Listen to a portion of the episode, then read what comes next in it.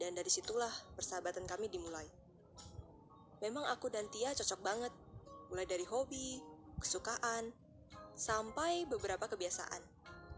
Kami sering belajar bareng, pergi main, dan cari makan, sampai kadang gantian nginap di rumah. Saat memasuki masa putih abu-abu, aku dan Tia sekolah di SMA yang sama. Bahkan di kelas yang sama. Dan karena sudah kenal, otomatis Tia memilih tempat duduk di sebelahku lagi. Ya, normal kan?